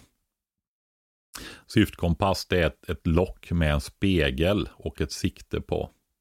För då kan du ta ut en riktning till någonting, en bäring till någonting. För då vet du att du befinner dig på den linjen om du ser en mast eller någonting en bit bort till Mhm. exempel. Smart. Mm. Eh, Ett annat tips här för att kunna hitta hem, det är ju att eh, öva. Ja, Om det är till exempel eh, platser där du befinner dig ofta, till exempel en arbetsplats, då, då kan det vara bra att, att, att kika ut några, några alternativa vägar därifrån hem. Så att du kan ta dig hem även om ryssen har sprängt Johanneshovsbron. mm. Ja, ja, men det är ju en sak att ta hänsyn till. Absolut. Är det vattendrag på vägen? ja, Nej, men alltså om det skulle vara så att eh, broar och sånt faktiskt inte är användbara av olika anledningar. Vi behöver inte spekulera i det, men det, kan, det är ju en möjlighet va. ja. Så du faktiskt behöver simma över. Det är en grej som man ska ha i sin väska, ryggsäck då. En Badkläder. so- sopsäck. Nej, man får faktiskt, man kan, det, det, i sånt läge får man faktiskt näcka. Det är så. Ja, ja, ja. Mm. Men däremot att du har en sopsäck. Den är väldigt, väldigt användbar nämligen. Är det så att det är en annan person så har du ju en hyfsad regnjacka om du gör hål på rätt ställen försiktigt med den. Trä den över dig. Eh, men du har också ett början på ett liggunderlag. Speciellt om du har två stycken då. Och eh, du fyller dem helt enkelt med luftigt material och lägger dig på det här sen. Va? En madrass. Ja. Men sen har du också det här att du kan lägga den i din ryggsäck och lägga kläder och sånt i den där. Så har du någonting att flyta med också. Hålla i när du simmar med den framför dig. Ja, för det blir luft i sopsäcken så att den har flytkraft. Precis, i och med att du har tröjor, underställ, olika saker som eh, är luftiga i din så har du någonting som du kan hålla i framför dig när du simmar då. Och om det är snö och du har ett berg på vägen hem från Mm. arbetsplats, då kan du också åka på sopsäcken nerför backen. Precis, lägg lite mjuka grejer i då så du inte slår sönder rumpan. Ja, Så ja sopsäck ska man ha med sig. Det, det var ju ett eh, jävligt bra tips tycker jag. Eh, någon typ av lampa. Vi är ju inne på pannlampan där såklart va? och extra batterier till den. Och Luminite Compass. R, det är den ni ska ha. Det är, ni, ni kan hålla på och tjafsa om massa andra pannlampor, men det är Luminite Compass R som är den pannlampan som man, som man ska ha. Ja, Ja, så är Så det. är det. Den Ja. är eh, ja, men alltså robust, superkvalitet. Du nämnde magnet om man behöver fästa den på bilen om man ska göra någonting och använda båda händerna till exempel. Eller om du inte vill ha den som pannlampa. Och, ja, den går att ta loss och ha i handen och sådana saker också. Så att den är oerhört prisvärd då. Va? Eller ja, prisvärd. Den är, kostar mycket men den är värd sitt pris så ska jag väl säga. vilket skyfall det är hos mig nu. Gud vad härligt. Slipper man vattna idag. Ja, precis. Himlen öppnade sig. Ja. Du, eh, jag ser, kommer på en grej här Ja, som jag skulle vilja säga. Som man ska ha i sin väska också. Och det har med skydd att göra. Och det är en riktigt bra mössa. En riktigt bra yllemössa. Och det är året runt. För ofta har man ju inte mössor på sig eller en del har kepsar och sånt där. Men det är så här nämligen att när vi pratar och hålla värmen, upprätthålla eh, kroppstemperaturen. Så är det så att du har, hjärnan drar ju mycket energi. Att hålla igång tankeaktivitet och system och sånt i kroppen. Och det är väldigt tunn hud där uppe och det gäller även halsen. Det är två Mhm. grejer jag ska nämna nu då. Yllemössan och när du ska sova och ligger ner. Att ha en yllemössa som du verkligen kan dra ner långt över öronen och nacken och alltihopa det här va. Det hjälper till jättemycket att hålla värmen. Och det gäller även när du ska förflytta dig då. Va? Och det är också ett sätt, om det blir varmt och man går istället då, så är det givetvis det som man kan ta bort för att öppna och kyla då. Eh, och samma sak öppna och ventilera i halsen och sånt. Så det är bra om man har dragkedjor på sina kläder då. Det andra förutom mössan, det är faktiskt en bomullshalsduk. Shemag kallas de ju ofta nu då. Det är gamla Palestina-sjalar sa man förut då. Eller till exempel de som man hade, de här gröna bomullshalsdukarna i eh, till de gamla uniformerna då. För okej. 80, 80 och 90-talet då. Och det är just, just för att kunna täta runt halsen då va. Snabb fråga om den här mössan. Var, var, var köper du din mössa? Ja, jag köper ju sådana här, eh, vad kallas de? Olles brorsa. Ja, fast inte Oles brorsa då, utan eh, typ sam, samma, samma, nej, den, det finns ju bättre mössor än Oles brorsa faktiskt nu då. Det, och den, eh, den var ju mycket gjord för att vara under en hjälm också då. Men eh, Eh, Olles brorsa är alltså den som eh, Försvarsmakten delar ut till värnpliktiga för. Ja, precis. Men det finns, eh, den typen är ju väldigt bra. Och man kan vika upp den och sen kan man rulla ner den och få den långt ner i nacken. Men också att kunna värma runt halsen för att hålla värmen då. Med hjälp av en halsduk. Mm.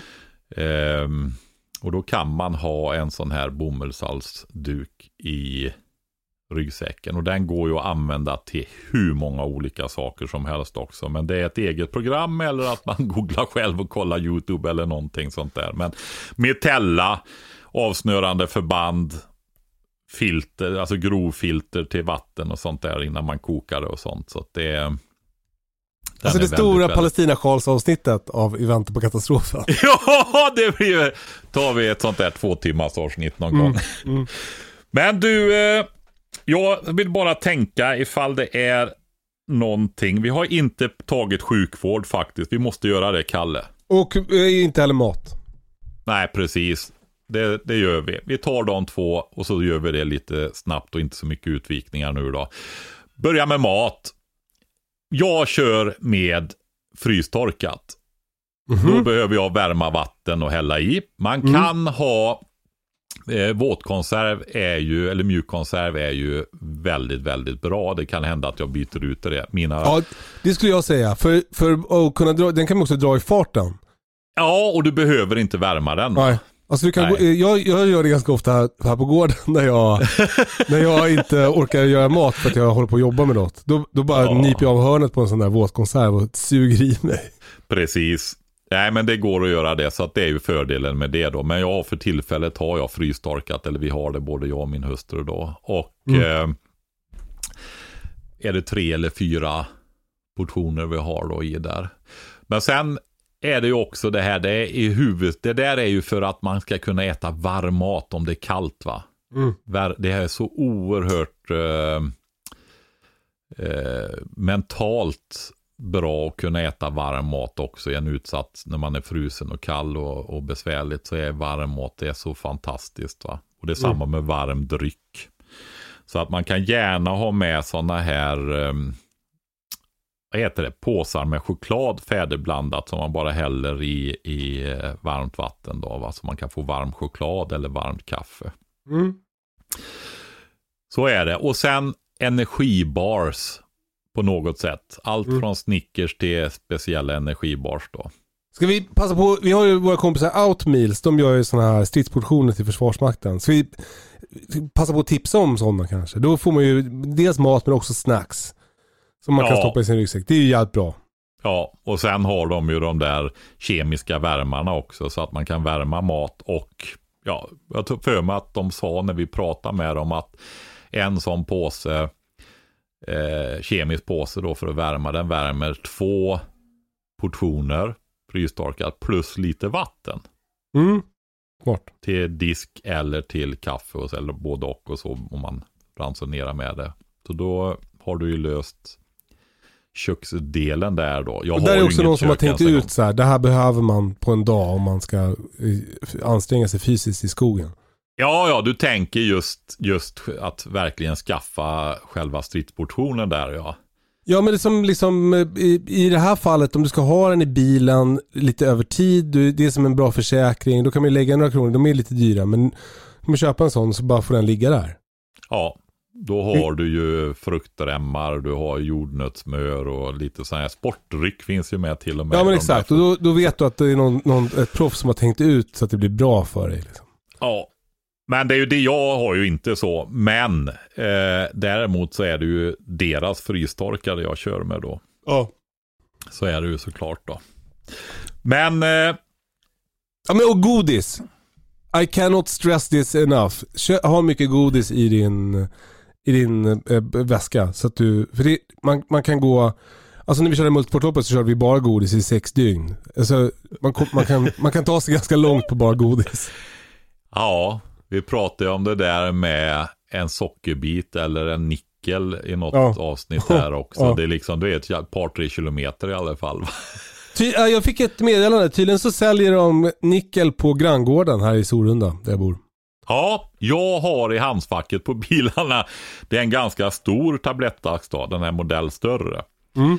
Inte de där små. Och, eh, så jag har köpt på granngården, jag kom bara inte ihåg det sist när vi pratade Ja. om detta. Har du smakat på dem? Är de goda?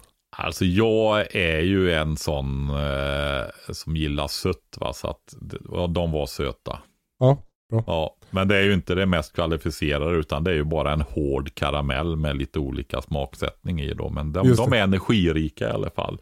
Men eh, eh, energibars och sådana saker har ju också bra hållbarhet då, men det är ju i princip godis det. Mm.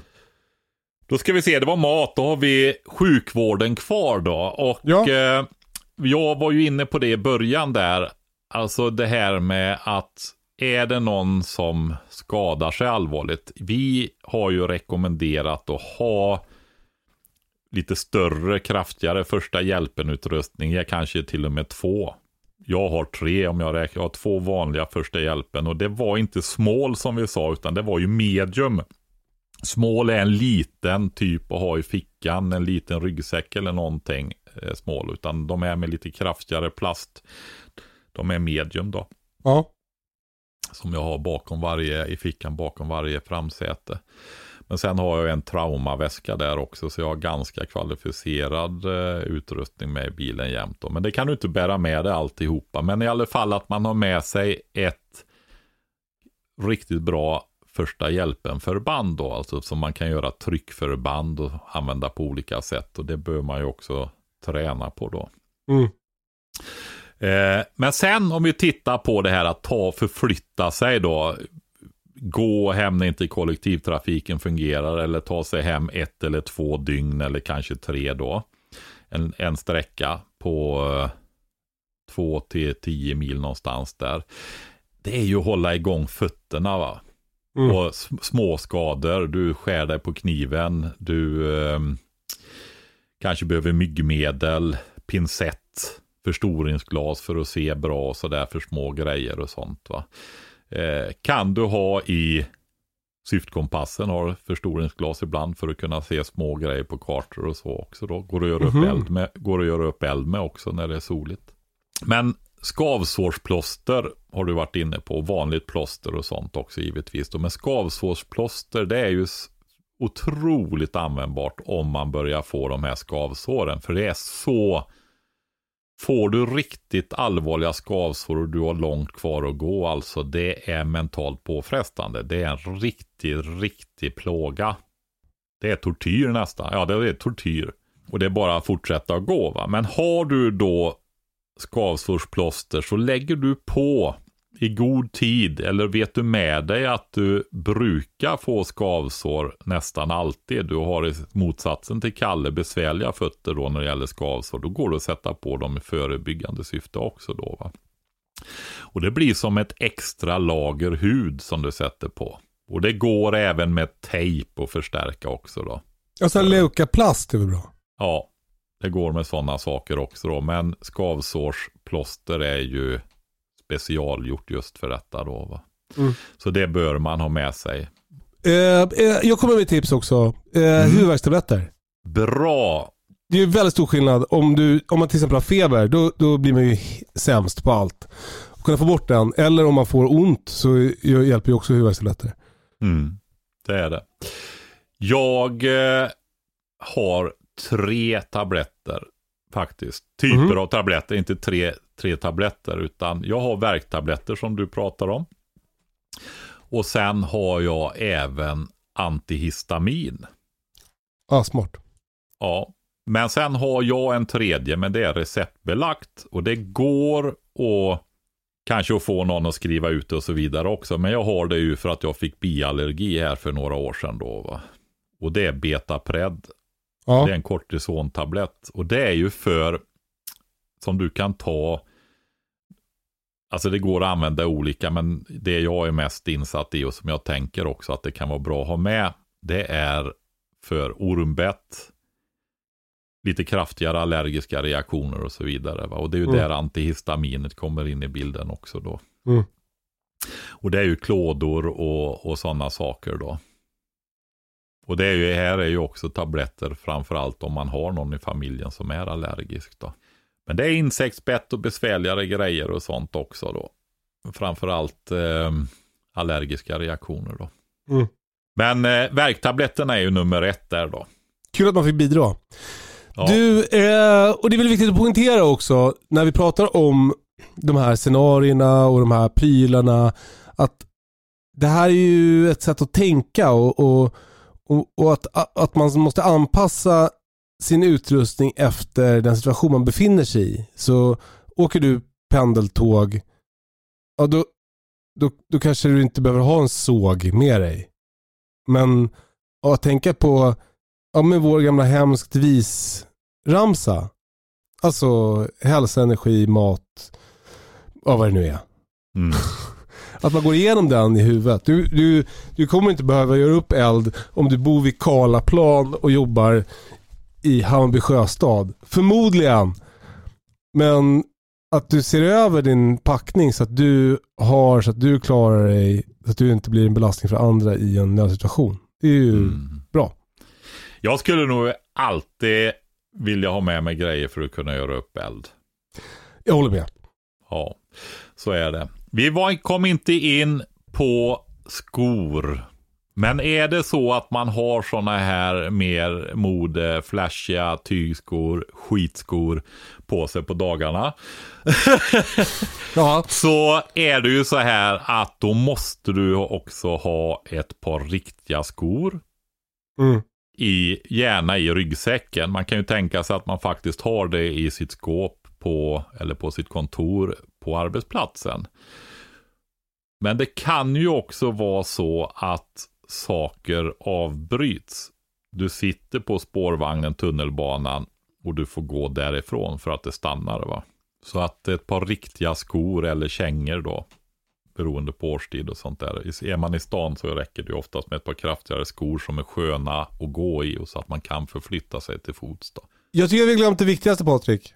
Ja, Det vad är det två då? saker som man måste ha med sig oavsett var man befinner sig i, be- befinner sig i för situation. Och det är disciplin och det är pannben. Ja, så är det. Vi har ju snuddat vid det förut då, Ja. med mental och så vidare. Nej, men så är det. Men det får vara en utgångspunkt och till sin hjälp så har man ju tre-regeln. Och eh, även hemskt vis då. Och titta på och anpassa. Den går ju att skala upp och skala ner. Den går att använda på ta sig hem i stan när inte kollektivtrafiken fungerar. Terrordåd fick de ju pröva på detta i Stockholm för några år sedan till exempel. Till att förbereda sig för hela framtiden egentligen. Va? Alltså åratal då. Så det går ju att använda i, i olika kontexter. Alltså att man har utsäde med sig i sin i bilen. Välvalda fröer i, ifall En man egen inte kommer hem. fröbank i handskfacket. ja men stort tack Patrik. Eh, eh, jag blev eh, eh, klokare och eh, peppad och det är ju målet med den här podden. Ja, det måste jag säga att det blev jag också. För det var, du har ju delat med dig oerhört mycket. Jag ska ta och titta över detta med jackor faktiskt. Ja kul. Jag kan skicka Ja. lite länkar. Eh, eh, nästa vecka kommer vi försöka spela in eh, som ett litet batteri med frågor och svar för att bunkra upp inför sommaren. För vi tänkte, tror eller ej, ta lite ledigt i sommar. Eh, så eh, håll utkik på Instagram i väntan på katas- katastrofen. Där kommer vi att lägga ut en sån här eh, frågegrunka så att ni kan ställa era frågor. Mm. Eh, Och då blir det ju hela bredden. Ja! Ställ frågor om precis vad som helst som har med beredskap att göra.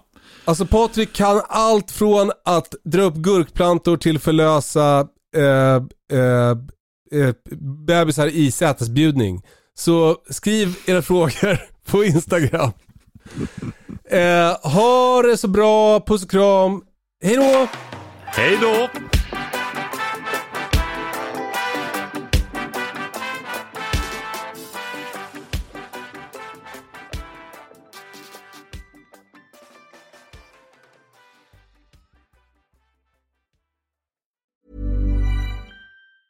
Planning for your next trip?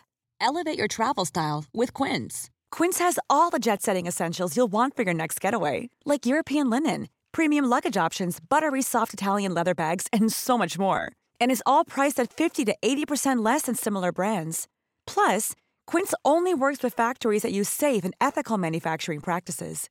Pack your bags with high-quality essentials you'll be wearing for vacations to come with Quince. Go to quince.com slash pack for free shipping and 365-day returns. Mom deserves the best, and there's no better place to shop for Mother's Day than Whole Foods Market. They're your destination for unbeatable savings, from premium gifts to show-stopping flowers and irresistible desserts. Start by saving 33% with Prime on all body care and candles. Then get a 15-stem bunch of tulips for just $9.99 each with Prime. Round out Mom's menu with festive rosé, irresistible berry chantilly cake, and more special treats. Come celebrate Mother's Day at Whole Foods Market.